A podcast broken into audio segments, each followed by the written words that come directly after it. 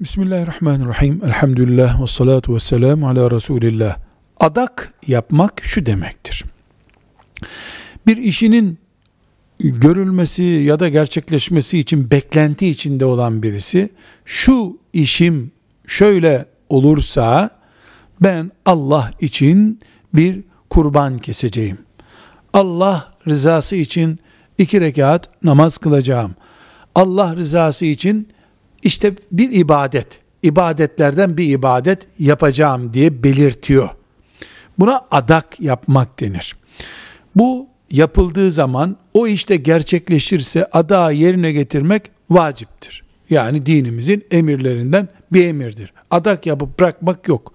Vakti gelince gerçekleşince adak yerine getirilecek. Ancak adak çok tavsiye edilmiş bir şey değildir. Aman adak yapın işiniz görülsün şeklinde anlaşılırsa yanlıştır bu.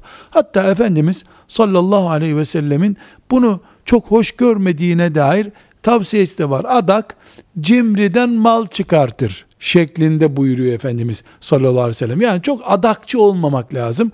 Allah'a tevekkül edip sabreden Müslüman olmak lazım. Velhamdülillahi Rabbil Alemin.